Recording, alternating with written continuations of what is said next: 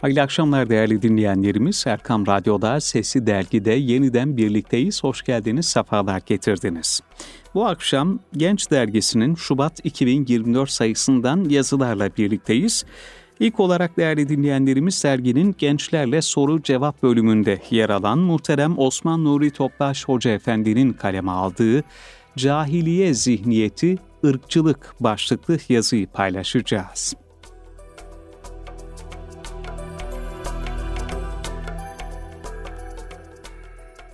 Muhterem efendim, birlik ve beraberliğe her zamankinden daha fazla muhtaç olduğumuz şu günlerde insanlarımızın gönüllerine ırkçılık tohumlarının serpildiğine şahit oluyoruz. Belli mihraklar İslam'ın son karakolu olan Türkiye'mizdeki İslam kardeşliğini zedelemeye çalışıyor. İslam'ın ırkçılığa bakışı nasıldır? Bu hususta bizlere neler söylemek istersiniz? Rabbimiz şöyle buyuruyor. Ey insanlar! Doğrusu biz sizi bir erkekle bir dişiden yarattık ve birbirinizle tanışmanız için sizi kavimlere ve kabilelere ayırdık. Muhakkak ki Allah katında en değerli olanınız, en muttaki, en çok takva sahibi olanınızdır. Şüphesiz Allah bilendir, her şeyden haberdardır.'' Bu ayeti kerimeden anlıyoruz ki insanı Allah katında değerli kılan gönlündeki imanı ve takvasıdır. Bir kişinin ırkı, dili, ten rengi ve yaşadığı coğrafya asla bir üstünlük vesilesi değildir. Dolayısıyla İslam'da ırkçılık yoktur. Cahiliyede insanlar ırki asabiyete çok ehemmiyet verirlerdi dünyevi takıntıların kıskaçında çeşitli sınıflara bölünmüş olarak birbirlerinin kanlarını içmeye hazır kimseler halinde yaşıyorlardı. Fakat İslam'la şereflendiklerinde öyle bir kardeşlik iklimine kavuştular ki sergiledikleri fazilet manzaraları dillere destan oldu. İnsanların bir tarağın dişleri gibi eşit olduğunu idrak ettiler. İman asabiyeti, ırkı asabiyeti bertaraf etti. Yine Rabbimiz şöyle buyuruyor. Müminler ancak kardeştirler. Onun için kardeşlerinizin arasını düzeltiniz ve Allah'tan korkunuz ki rahmete nail olasınız. Bu ayette de Rabbimiz ilahi rahmete nailiyetin şartı olarak iki husus zikrediyor. Biri Allah'tan korkup takva üzere yaşamak, diğeri de kardeşlerimizin arasını düzeltmek. Zira bugün de müminlerin arasını açmak, gönüllere fitne tohumları saçmak ve böylece dini zayıflatmak için ırki asabiyeti hortlatmaya çalışan bir kesim var. Halbuki Resulullah sallallahu aleyhi ve sellem Efendimiz müminlerle kardeş olma mesuliyetimizi hatırlatarak bizlere şöyle buyuruyor. Birbirinizle üstünlük yarışı içine girmeyin birbirinize haset etmeyin, birbirinize kin beslemeyin, birbirinize sırt çevirmeyin. Ey Allah'ın kulları, kardeş olun. Yine Efendimiz sallallahu aleyhi ve sellem şu beyanlarıyla ırkı asabiyeti yasaklıyor. Irkçılığa çağıran bizden değildir. Irkçılık için savaşan bizden değildir. Irkçılık üzere asabiyet uğruna ölen bizden değildir.'' Efendimiz sallallahu aleyhi ve sellem daima İslam kardeşliğini gönüllere yerleştirmeye gayret etmiş, ashab-ı kiramın eski alışkanlıklarına dönmemeleri için de zaman zaman ikazlarına devam etmiştir. Mesela bir gün Bilal-i Habeşi ve Ebu Zer radıyallahu anhuma tartışmışlar. Bu esnada Ebu Zer radıyallahu anh, siyahi olan annesinden dolayı kara kadının oğlu diyerek Bilal radıyallahu anh'ı ayıplamıştı. Hz. Bilal buna çok üzüldü. Durumu gidip Allah Resulüne haber verdi. Ebu Zer'in bu davranışında cahiliye zihniyetinin izlerini fark eden Efendimiz sallallahu aleyhi ve sellem onu gördüğünde kendisini şöyle uyardı. Ebu Zer, onu annesinden dolayı mı ayıplıyorsun? Demek ki sen kendisinde hala cahiliyeden izler bulunan bir kimsesin. Yine rivayete göre Sa'd bin Ebi Vakkas'la Selman-ı Farisi arasında bir kırgınlık olmuştu. Bir gün Mescid-i Nebevi'de beraber otururlarken Sa'd bin Ebi Vakkas orada bulunan birkaç kişiye neseplerini sordu, onlar da soylarını anlattılar. Sonra da Selman radıyallahu anha döndü ve aynı şekilde nesebini sordu. O bununla Selma'nın bunca soylu kimselerin arasına sığınmış bir garip olduğunu ima etmek istemişti. Bunu anlayan Selman radıyallahu an şu cevabı verdi. Ben İslam'ın oğlu Selman'ım. Sonra da sözlerine şöyle devam etti. Ben yolumu kaybetmiştim. Allah beni peygamberimizle hidayete erdirdi. Ben kafirdim, Allah beni Muhammed Mustafa sallallahu aleyhi ve sellemle zenginleştirdi. Ben köleydim, Allah beni Resulüyle hürriyetime kavuşturdu.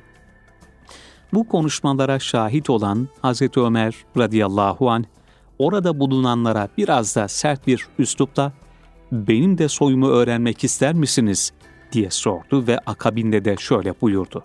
Ben de İslam'ın oğlu Ömer'im. İslam'ın oğlu Selman'ın kardeşiyim. Yine Beni Mustalik gazvesinde biri Ensar'dan, diğeri Muhacir'den iki genç kavga etmişti. Sonrasında her iki taraf yetişin ey muhacirler ve yetişin ey ensar şeklinde bağırmaya başladı. Sesleri işiten Efendimiz sallallahu aleyhi ve sellem derhal hadisenin yaşandığı yere gelerek bu cahiliye çağrısı da nereden çıktı deyip hemen kavgayı yatıştırdı. Sonra da şöyle buyurdu. Zalim de olsa, mazlum da olsa kardeşinize yardım ediniz. Bu ifade aslında cahiliye döneminden beri söylene gelen bir vecizeydi.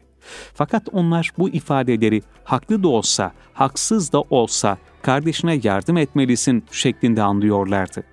İslam'ın hak ve adalet hassasiyetiyle tezat teşkil eden bu ifadeyi Efendimiz'den işittiklerinde çok şaşırdılar. Sahabilerden biri şöyle sordu. Ey Allah'ın Resulü! Eğer kardeşim mazlumsa yardım ederim. Fakat zalimse ona nasıl yardım edeceğim? Bunun üzerine Efendimiz sallallahu aleyhi ve sellem, asabın zihin dünyasında cahiliye kalıntısı batıl bir anlayış olarak yerleşmiş olan bu ifadelerin hakiki manasını şöyle izah buyurdu. Onu zulümden uzaklaştırırsın veya onun zulmüne engel olursun. Ona yapacağın yardım işte budur. Şu hususu da belirtmek lazımdır ki, kişinin meşru ölçüler içerisinde kendi kavmini sevmesi gayet tabidir. Fakat kendi ırkını diğerlerinin üstünde ve ayrıcalıklı görmek, yani kavmiyetçilik yapmak dinimizce yasaktır. Nitekim bir defasında Efendimiz sallallahu aleyhi ve selleme ya Resulallah, kişinin kendi kavmini sevmesi, kabilecilik, ırkçılık sayılır mı diye sorulmuştu. Efendimiz bu suali, hayır, lakin kabilecilik, ırkçılık, kişinin kendi kavminin haksız davranışına arka çıkmasıdır diyerek cevaplamışlardır. Dolayısıyla insanın vatanını sevmesi, milletinin başarılarıyla iftihar etmesi ve ülkesinin kalkınması için çalışması ırkçılık değildir. Çünkü bu insanın fıtratında var olan güzel bir duygudur. Nitekim Efendimiz sallallahu aleyhi ve sellem de hicret edeceği zaman Hazvere denilen yerde durup Mekke'ye bakmış ve hüzünle ''Ey Mekke, sen Allah katında beldelerin en sevgili olanısın. Çıkarılmış olmasaydım senden çıkmazdım. Senden başka bir yeri yurt tutmaz, yuva kurmazdım buyurmak suretiyle vatanına duyduğu muhabbeti dile getirmiştir. İslam'dan evvel ırk asabiyetiyle güçlü bir varlık, kültür ve medeniyet ortaya koyamayan cahiliye insanı, İslam çatısı altında iman bağıyla kenetlenince müthiş bir inkişaf oldu. Ecdadımız Osmanlı'da da bu hakikati görmek mümkün. Nitekim hudutların kıta ve okyanuslarla çizildiği zamanlarda Osmanlı topraklarında yaşayan pek çok millet bulunuyordu. Lakin hepsi de İslam adalet ve faziletinin huzur ve sükunu içinde yaşıyorlardı. Zira ecdadımız hiçbir zaman ırkı asabiyet gütmemişti. Sadece bir ölçü olması kabilinden şu hususu zikredeyim. Birkaç kez gelip gidenler sayılmazsa Osmanlı Devleti'nde yaklaşık 235 veziri azam, sadrazam vazife yapmıştır. Bunların 150'si devşirmedir. Kimisinin kökeni Arnavut, kimisinin Hırvat, kimisinin Rum, kimisinin Ermeni, Rus vesairedir. Türk olan vezir-i azam sayısı ise 85 civarındadır. Yani ecdadımız hidayetle şereflenen bütün ırkları aynı mikserin içine atıp onları İslam'ın sancaktarlığını yapma ideali etrafında birleştirmiştir. Velhasıl Allah indinde üstünlük ancak takva iledir. Bu hakikati Resulullah sallallahu aleyhi ve sellem Efendimiz veda hutbesinde bütün insanlığa şöyle bildirmiştir. Ey insanlar! Allah sizden cahiliye gururunu ve atalarla övünme adetini gidermiştir. İnsanlar iki gruptur. İyilik ve takva sahibi, Allah katında değerli kişi ve günahkar, bedbaht, Allah katında değersiz kişi, insanlar iki gruptur. İyilik ve takva sahibi, Allah katında değerli kişi ve günahkar, bedbaht, Allah katında değersiz kişi. İnsanlar Adem'in çocuklarıdır ve Allah Adem'i topraktan yaratmıştır. Ey insanlar! Şunu iyi bilin ki Rabbiniz birdir, atanız birdir. Arap'ın Arap olmayana, Arap olmayanın Araba, beyazın siyaha, siyahın beyaza üstünlüğü yoktur. Üstünlük ancak takvadadır. Rabbimiz cümlemizi bu hakikati idrak ederek takvada mesafe kat etmeye çalışan salih kullarından eylesin. Amin.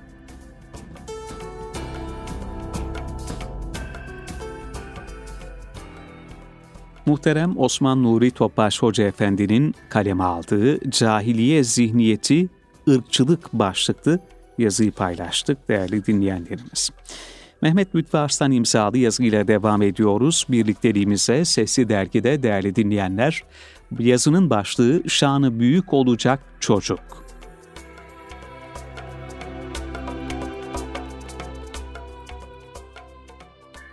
Bir defasında Resulullah sallallahu aleyhi ve sellem Efendimiz, Hevazin kabilesinin Beni Sa'd kolundan gelenlerle sohbet ediyordu. Hz. Ali radıyallahu anh onları dinlemeye başladı ama konuşulanlardan bir şey anlamıyordu. Aynı ailede büyüdükleri halde amcasının oğlunun konuştuğunu neden anlamadığından yakınınca Resulullah Efendimiz ona şu izahı yaptı. Beni Rabbim terbiye etti ve bu terbiyemi güzel eyledi. Bir de ben Beni Saat kabilesi içinde büyüdüm. Peygamber Efendimizin çocukluğu bahsettiği kabilede geçmiştir. O devirde Araplar yeni doğan çocukları süt anneye verirlerdi. Bu hem bir statü göstergesiydi hem de çocuğun sağlıklı ve güzel Arapça konuşan biri olarak yetişmesini temin etmek için başvurulan bir adetti. Peygamberimizin doğduğu yıl Mekke'den süt çocuğu almak üzere Beni Saad kabilesinden 10 kadar kadın gelmişti. Bunlardan biri de Halime Hatun'du. Süt annesi adayı kadınların hiçbiri peygamberimizi almak istemedi. Gerekçeleri onun yetim oluşuydu.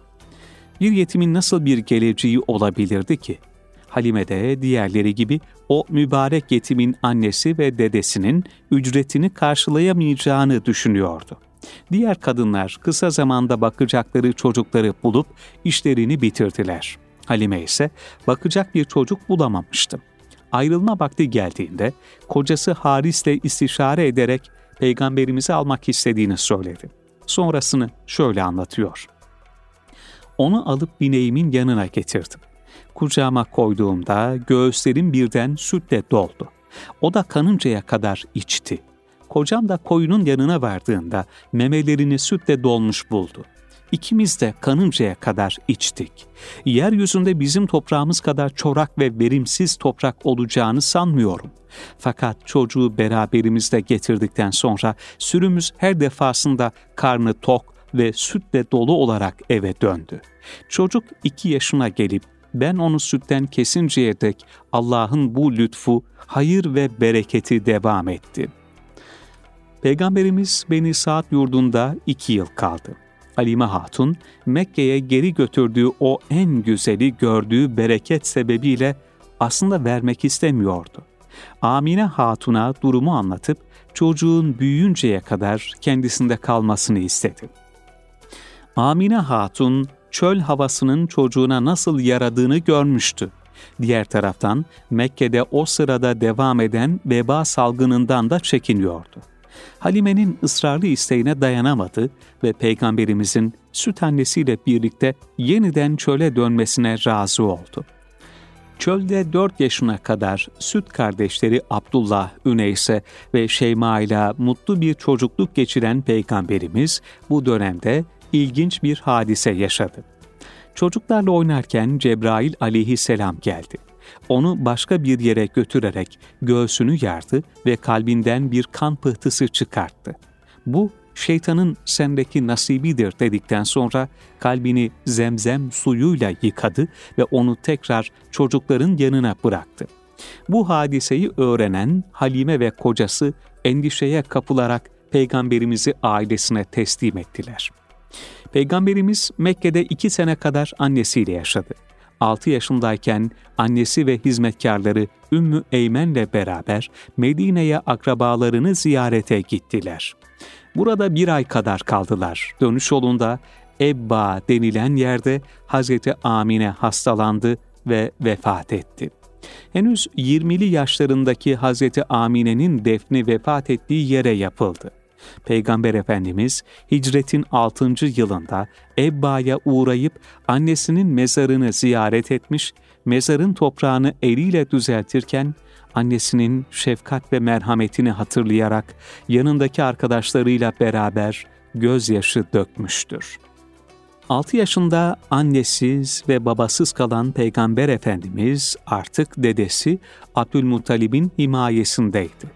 Mekke'nin ulusu Abdülmuttalip sevgili torununu yarından hiç ayırmıyor, gittiği önemli toplantılara onu da götürüyordu. Kabe gölgesindeki özel minderine sadece torununun oturmasına müsaade ediyor ve sürekli torununun şanının büyük olacağını ifade ediyordu. Peygamberimiz 8 yaşındayken dedesi de vefat etti. Ölmeden evvel oğlu Ebu Talib'i yanına çağırarak torununun bakım ve korunmasını ona bıraktığını bildirdi. Amca Ebu Talip babasının emaneti yeğenine elinden geldiği kadar sahip çıktı. Seni yetim bulup barındırmadı mı? Ayeti bu himayenin aslında Allah'ın himayesi olduğunu gösterir. Ebu Talip 40 yıldan fazla bir zaman boyunca yeğenini her türlü tehlikeden korudu ve iyi yetişmesi için gayret sarf etti. Hanımı Fatıma bint Esed de aynı şekilde peygamberimize kendi çocuklarından daha çok alaka gösterdi, kendi çocuklarından önce onu doyurup gözetti. Peygamberimiz annemden sonra annem dediği bu mübarek hanıma çok hürmet göstermiş, Medine'de vefat ettiğinde sırtındaki gömleğini kefeni yapmıştır. Mekkelilerin çoğu gibi Ebu Talip de ticaret yaparak geçinir, kuzeyde Şam, güneyde Yemen tarafına kervanlarla mal getirir ve götürürdü. Bir keresinde Suriye tarafına yapılacak bir seyahate Peygamberimiz de katılmak istedi. Ebu Talip yaşı 12 civarında olan yeğeninin isteğini kabul etti. Şam'ın güneyinde bulunan Busra'ya vardıklarında mola verdiler. Burada bir Hristiyan manastırında görevli, asıl ismi Cersis olan Buhayra ile kaplı bir rahip onları yemeğe davet etti. Buhayra başka bir kervana böyle bir ikramda bulunmamıştı. Çünkü bu kervanda gözüktüğü andan itibaren olağanüstü şeyler fark etmişti. Yemeğine gelenleri dikkatle inceleyen Buhayra, peygamberimize bir takım sorular sordu. Sırtındaki kuş yumurtası büyüklüğündeki beni de görünce elinden tuttuğu o masum yetimin Allah tarafından rahmet olarak gönderilmiş alemlerin efendisi olduğunu söyledi. Sonra bunu nereden bildiğini soran Ebu Talib'e şu cevabı verdi. Siz şu tepeden göründüğünüzde ona secde etmeyen hiçbir ağaç ve taş kalmadı. Ben onu sırtındaki peygamberlik mühründen de tanıdım. Siz bu çocuğu Şam'a götürmeyin. Onu benim tanıdığım gibi Yahudiler de tanıyabilirler.'' Ebu Talip bu uyarıyı dikkate aldı ve peygamberimizi çocuklarıyla birlikte Mekke'ye geri gönderdi. Peygamberimiz çocukluktan gençliğe geçiş devresinde Mekke'de çobanlık yapmış, hem amcasının hem de başkalarının koyunlarını gütmüştür. ailesinin koyunlarını Ecya'da götüren peygamberimiz Mekkelilerin koyunlarını gütmek için günlük koyun başına dinarın 20'de biri olan bir kırat alırdı. Çobanlık gibi sorumluluk isteyen bir uğraşının en güzelin şahsiyet ve karakter gelişimine katkı sağladığı açıktır. Peygamberimiz en hayırlı maişet yollarından biri olarak övdüğü koyun beslemenin insanda sükunet ve vakarın gelişmesine vesile olduğunu ifade etmiş, çobanlık yaptığı günleri hatırlayarak şöyle demiştir. Hiçbir peygamber yoktur ki çobanlık yapmış olmasın. Hz. Musa peygamber olarak gönderildi, koyun güderdi. Hz. Davud peygamber olarak gönderildi, koyun güderdi. Sahabi, siz de mi koyun güttünüz ey Allah Resulü diye sorduklarındaysa, evet, ücret karşılığında Mekkelilerin koyunlarını güderdim buyurdular.''